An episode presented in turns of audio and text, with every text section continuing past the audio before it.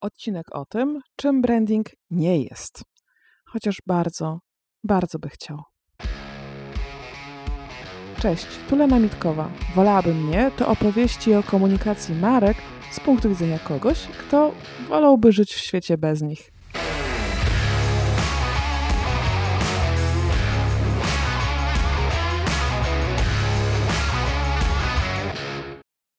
Ale skoro dzieci i tak kupią narkotyki pod szkołą, podajmy im te bezglutenowe.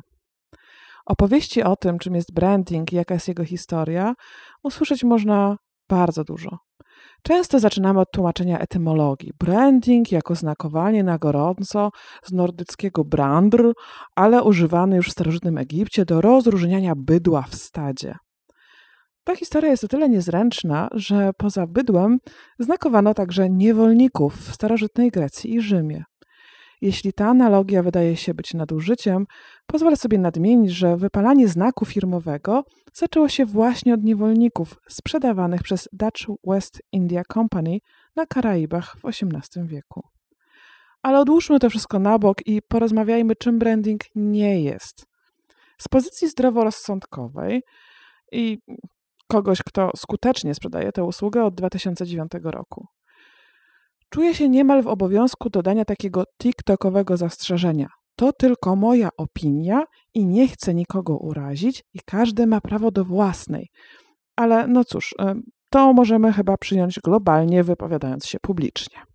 A zatem, pięć największych bullshitów brandingu.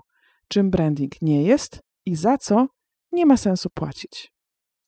Bullshit numer jeden. Branding to logo. W sumie wszyscy wiemy, że to nieprawda.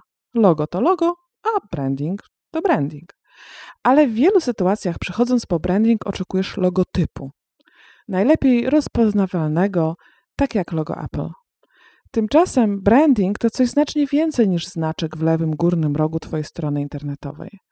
Poza podejściem systemowym do identyfikacji wizualnej nie możemy zapomnieć też o tym, co jest silnikiem parowym brandingu, czyli o strategii i tożsamości marki.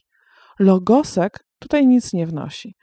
Branding zdewaluował się do tego stopnia, że w Leniwa Studio oferta jest opisywana jako oferta na brand experience, a nie branding, żeby jasno się od tego odciąć.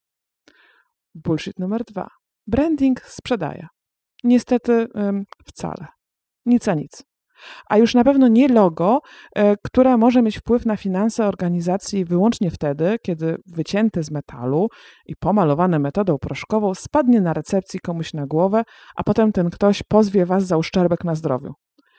Sam branding może wspierać komunikację, może ją ułatwić, może oszczędzić czas. O tym więcej w drugiej części, ale nie, nie sprzeda waszego produktu czy usługi. I zapomnij o wyróżnij się albo zgiń. Zbyt wiele marek chce być inne niż wszyscy. Bullshit numer 3. Branding powinien się podobać. Rozmowa o estetyce przy projektowaniu użytkowym to cały osobny temat do dyskusji akademickich i sporów. Czy branding powinien być ładny i podobać się właścicielowi marki?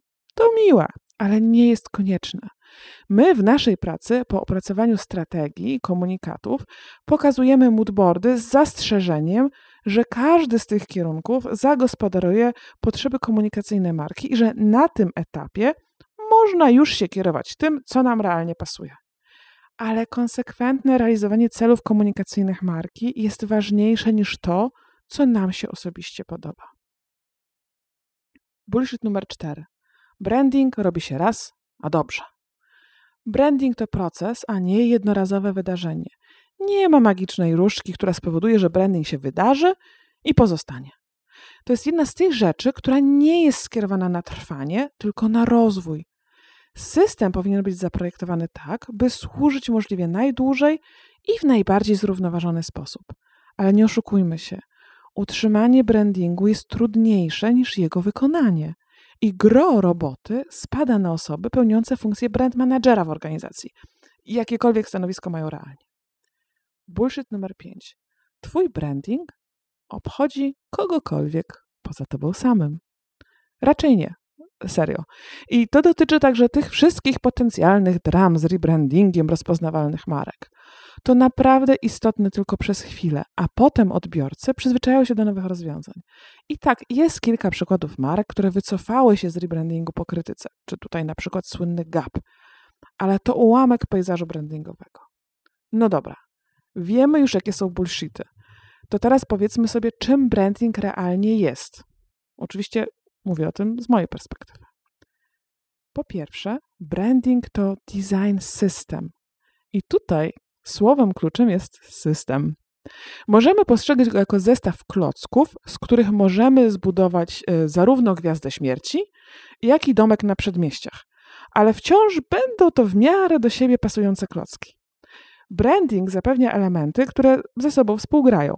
Poprzez strategiczne wykorzystanie kolorów, typografii, kompozycji i innych elementów wizualnych, branding tworzy spójną identyfikację marki.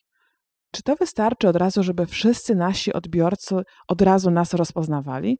Nie rozpędzajmy się tak bardzo, ale to dobry start do wewnętrznej spójności. Punkt drugi. Branding oszczędza czas i nerwy nadawcy.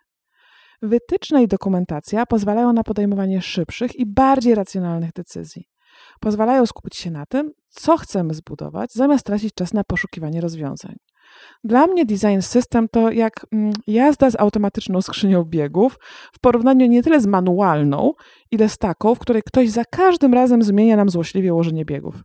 Raz jedynka jest do przodu, a raz wciśnięciem pierścienia i w prawo. Można tak jeździć, jasne, ale wtedy koncentrujemy się na biegach, a nie na drodze i na tym, dokąd chcemy jechać. Punkt trzeci. Branding to decyzja komunikacyjna, a nie estetyczna. Spójność przekazu jest kluczowa. Branding ma być skuteczny. Wspominałam nieśmiało, że nikogo nasz branding nie obchodzi i podtrzymuję to. Umilmy zatem odbiorcom życie i komunikujmy spójnie. To oznacza również, że wychodzenie od estetyki wiemy, jak chcemy, żeby nasz branding wyglądał, jest błędem. Wychodźmy zawsze od komunikatu. Niestety, albo stety. Punkt czwarty. Branding to niekończący się proces. Po podjęciu decyzji i wdrożeniu systemu identyfikacji wizualnej nie możemy zapominać o ewaluacji i przypominaniu sobie ustalonych zasad. To integralna część procesu. Branding wymaga stałego monitorowania, dostosowywania i doskonalenia. Nie chodzi bynajmniej o stałe dopasowanie brandingu do rynku jego potrzeb. Chodzi przede wszystkim o szkolenie współpracowników, żeby wyciągać maksimum efektów z zaprojektowanego systemu. Naucz się go czytać i korzystać z opracowanych materiałów. I oczywiście w miarę potrzeb proponować kolejne. Punkt piąty. Branding to narzędzie wewnętrzne. To może być niepopularna teza, ale branding, moim zdaniem, to narzędzie w rękach organizacji, które to jej ułatwia pracę, upraszcza jej procesy i oszczędza jej czas. To nie jest typowe narzędzie do komunikacji z odbiorcą. Branding to nie reklama. Dużo część materiałów brandingowych to części design systemu i narzędzia wewnętrzne, porządkujące komunikację w ramach samej organizacji. Reasumując, branding to nie logo, tylko system. Branding nie sprzedaje, tylko oszczędza czas. Branding to nie to, co się podoba, tylko to, co działa. Branding to proces. Branding to narzędzie wewnętrzne, a nie reklama. Przykłady naszych wdrożeń wraz ze szczegółowym opisem w case study znajdziesz na leniwastudio.com. Jeśli znasz jeszcze jakieś inne mity, daj mi znać, weźmiemy to na warsztat.